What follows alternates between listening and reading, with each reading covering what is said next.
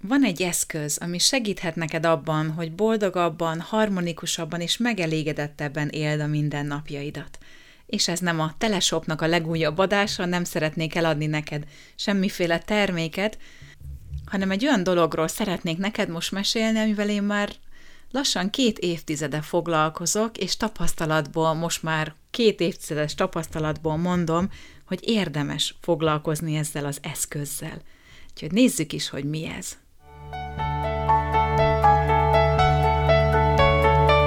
Free Spirit Podcast. A fejlődés központú útkeresőknek. Szia, Volaszton Erika vagyok, és az eszköz, amit hoztam, nem nagy titok, a jóga lesz, és mielőtt elfutnál, ne fuss sem erre, ha még nem jogáztál, akkor most pont azt szeretném elmesélni neked, hogy ez a jóga micsoda. És hogy ez a jóga, ez nem csupán az, hogy cicanadrágban a lányok hajlonganak jobbra-balra, hanem a jogának ez csak egyik ága, és persze nem is minősítjük a lányokat, hiszen én is szeretek cicanadrágban hajlongani, mert sokkal jobban érzem utána magamat, és fizikailag karban tartja a testemet, nem fáj semmi, de a jogának ez csak egy mini, pici ága. A joga erről sokkal több mindenről szól, és erről mesélek ma neked, hogy mi is ez a joga egyáltalán. A joga Indiából származik, és a joga, hogy egyszerű nyelven magyarázzam el neked, vagy mondjam el, hogy nehogy megijesztelek, a joga az harmóniát jelent, egy külső-belső harmónia, testi-lelki harmóniának is lehet fordítani. Joga egy összekapcsolódás, és tényleg az egyszerű hétköznapi nyelven gondolhatunk csak arra, hogy a joga a testnek és a léleknek a harmóniája, az összekapcsolása. A joga maga az elménknek a lecsendesítése.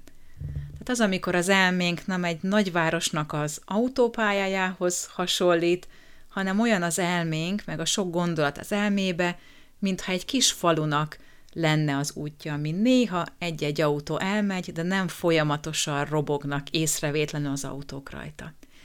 Na és ennek a jogának van nyolc ága, és ebből a hajlongás, amit néha annak gondolunk, vagy a nyújtás, vagy a fizikai része, ez csupán csak az egyik ága a jogának. Ez az ág, ez a nyolc ág, amiről most beszélek, ez az indiai Patanjalitól származik, és most nem is akarok mélyre menni itt a filozófiában, csak tényleg röviden, a Patanjali nevű bölcs, a Jóga Sutrák nevű irodalmi műben írta le a jogának az útját azt a nyolc ágat, ami téged elvezet magához a jogához, ehhez a megvalósításhoz, ahol az elmédet lecsendesíted, és megvalósítod ezt az összekapcsolódást, amit tényleg hétköznapi, egyszerű szinten egy test és lélek harmóniának nevezhetünk. És ez a bölcs Patanjali ezt a nyolc ágat úgy írta le, hogy az első ágnak az a neve, hogy Yama, és ezek egyetemes erkölcsi szabályok. Olyanokat írt benne, hogy nem ártok. Például nem ártok másnak, nem ártok önmagamnak, nem fogok valakit megverni, ugye ez a teljesen egyszerű gondolat, de által azért sokkal mélyebben inkább olyanról van szó, hogy nem ártok magamnak, nem gondolok olyat, hogy én hülye vagyok, én semmire kellő vagyok, tehát egy ilyen szintre gondoljunk inkább azért a mi szintünkön, vagy azt mondta még, hogy nem veszem el azt, ami a másé, nem lopom el mondjuk másiknak az idejét, vagy az energiáimat úgy használom fel, vagy az időmet, hogy azzal gazdálkodok, nem vesztegetem el mindenfelé, akár nem vesztegetem el felesleges dolgokra, gondolhatsz úgy, mint felesleges hírek olvasására, vagy olyan dolgokkal való foglalkozásra, ami nem téged szolgál, nem halmozol fel rengeteg materiális dolgot, nem kell a 80. joganadrág mondjuk, és ragaszkodom az igazsághoz, és ahhoz, ami az enyém. Tehát akár önmagammal szemben is őszinte vagyok. Úgyhogy ebben az első ágban, hogy nyolc ágat jelölt ki, hogy mi vezet el minket a jogához, ez az első ág, ahol tényleg ilyen általános és erkölcsi dolgokat sorol ő fel, és ezeket aztán lehet bontogatni még, és majd lehet, hogy lesz erről egy külön adás, hogy pontosan ezek az ágak mit jelentenek. de most csak egy felsorolásként nézzük meg, hogy mik az ezek az ágak, amiket Patanjali, ez a bölcs, még megjelölt, és mint egy receptet átadott számunkra. Átadta utána ezeket a, ezek voltak az általános erkölcsi szabályok, majd utána a második ágban egyéni magatartási szabályokat sorolt fel, olyanokat például, hogy tisztán tartom a testemet és az elmémet. Mondjuk nem szennyezem, híreket említettem az előbb, nem szennyezem hírek olvasásával, vagy olyan hírek olvasásával, ami kárt tesz nekem. Ugye nem arról van szó, hogy el kell bújjak a barlangba, és nem szabad híreket olvasni, de azért figyelek arra, hogy mit engedek be az elmémbe. Majd a megelégedettséget keresem magamban. A megelégedettséget visszavezethetjük arra is, hogy ha már van 79 joganadrágom, akkor megelégedek azzal, és nem kell egy 80 Önmagamat tanulmányozom, és önmagamat fejlesztem. Elkezdem megvalósítani az önátadást. Hát ez talán az egyik legnehezebb, hogy a kontrollt akár elengedem, vagy átadom néha az irányítást egy magasabbnak, és nem mindent akarok kontrollálni. Majd folyamatos gyakorlással fejlesztem a bennem lévő fegyelmet és belső tüzet. Ugye ezek mind olyan szabályok, amik igazából a joga útján vezetnek bennünket, és ahhoz segítenek hozzá, hogy kitartással, hosszú időn át rendületlenül gyakoroljuk ezt a jogát. És amikor jogát említek, akkor nem a testhelyzetekre gondolok, hanem erre az egészre most, ami ez a testi-lelki harmónia. Hát, hogy ezt kitartóan, hosszú időn keresztül kell, hogy gyakoroljuk. Majd ennek a nyolc ágú receptnek a harmadik ága maga az ászana, amit mi tényleg a hétköznapi nyelven jogának gondolunk, hiszen néha azt gondoljuk, hogy csak erről szól a joga, hogy mindenféle fizikai pozíciókba tesszük magunkat, és ott erősítünk, meg nyújtunk, de hát most már remélem látod, hogy a jogának ez csak egy picike kis szelete. Ez arra van ez az ászana, hogy a testünket erősen tartsa, hogy a testünket megerősítse, és felkészítsen arra, hagyományos értelmezésben, hogy meditációban tudjunk ülni. Jó, de igazából mai életben az ászanát és a jóga gyakorlást, a fizikai jóga gyakorlást arra használjuk, hogy a sokszor az irodai munkában megnyomorodott testünket kicsit kondicionáljuk, megszabadítsuk a feszültségektől, és újra erősítsük.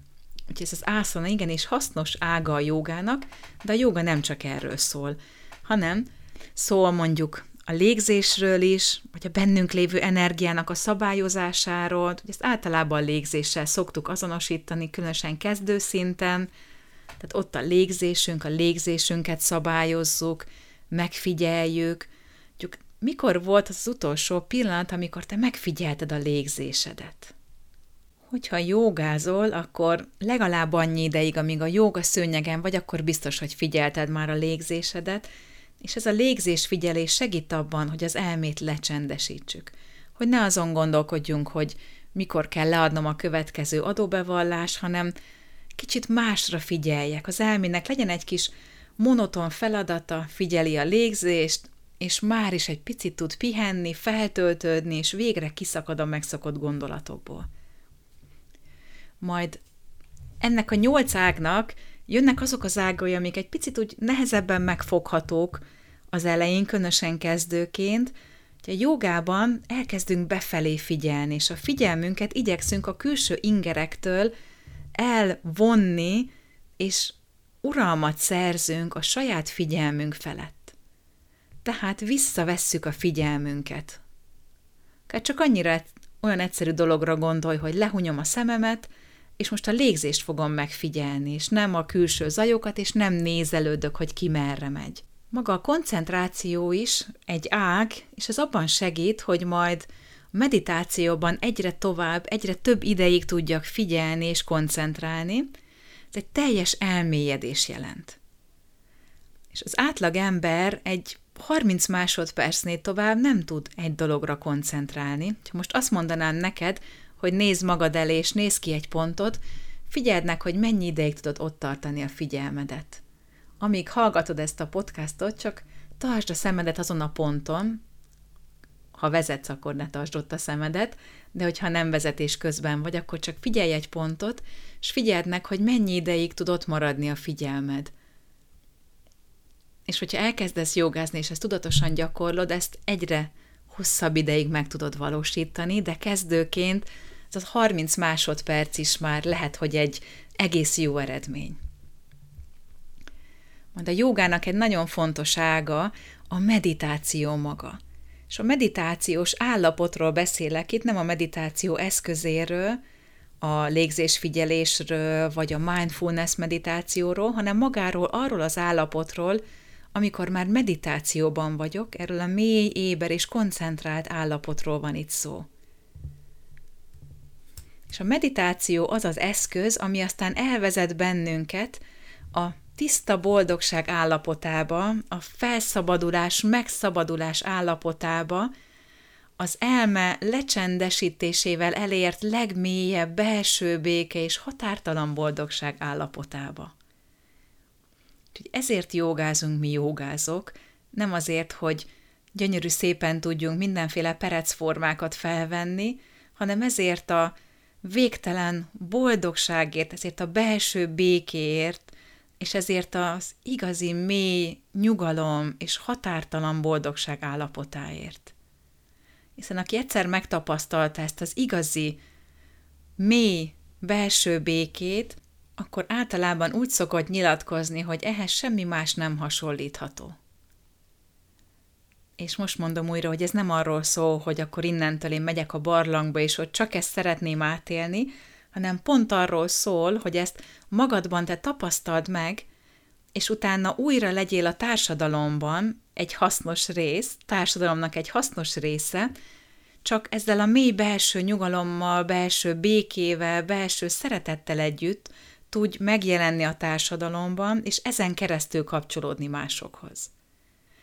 És mielőtt félreértened, ez nem arról szól, hogy aki jogát gyakorol, ő mindig ebben a mély nyugalomban van, hiszen nem az a lényeg, hogy elnyomjuk az érzelmeinket, a joga nem minősít, és a jogában lehet olyan érzelem is, amit hétköznapi nyelven mi rossznak gondolnánk, mondjuk mérges vagy, dühös vagy, vagy irigy vagy, vagy lehet olyan is, amit mi pozitívnak minősítenénk, hogy szeretet van bennem, vagy öröm van bennem, vagy boldogság, csak mi ezeket nem minősítjük, hanem csak megfigyeljük őket, mint egy érzelem, ami jelen van. De mégis, amikor a jogát megvalósítjuk, akkor ez a mély belső béke van bennünk. Jó, de ez nem egyenlő azzal, hogy aki jogát gyakorol, ő mindig egy ilyen birka türelmű, mindig nyugodt, mindig mosolygó ember, hiszen pont nem ez a lényeg, hogy mindig olyannak kell lenni, hiszen ugyanúgy a társadalom részei vagyunk, és ugyanúgy ér bennünket is olyan dolog, ami bizony kihoz minket ebből a belső békéből, csak az a lényeg, hogy aki gyakorolja a jogát, minél előbb újra vissza tudjon találni a belső béke felé is, és minél kisebb hullámokban tudjon reagálni a külső eseményekre. Úgyhogy ha 2022-ben szeretnél tényleg fejlődni szellemileg, és szeretnél egy új dolgot kipróbálni, akkor a jogát én tényleg most már a közel 20 éves tapasztalatom által tudom neked szívből ajánlani, és gyakorold a jogának nem csak a fizikai részét, bár az is tökéletes, hanem olyan jogát gyakorolja, amiben a többi is megjelenik. Amiben tényleg eléred ezt a belső, mély béke állapotot. Ha bármilyen kérdésed van ezzel kapcsolatban, akkor keres bátran, szívesen segítek. Nem biztos, hogy tudok ajánlani jogoktatót különböző városokban, de hogyha megkérdezed, hogy milyen fajta jogát gyakoroljak, akkor lehet, hogy tudok úgy általánosságban segíteni neked. Vagy ha van kedved jogázni, akkor vannak online joga videók a weboldalamon, ez most nem a reklám helye, csak ha szeretnél, akkor ajánlom őket. Jó, de találd meg a saját utadat, hiszen mindenkinek ahhoz az oktatóhoz kell eljutnia, akinél van valamilyen dolga, vagy aki neki tud segíteni. Úgyhogy te is találd meg azt az oktatót, akihez te tudsz kapcsolódni.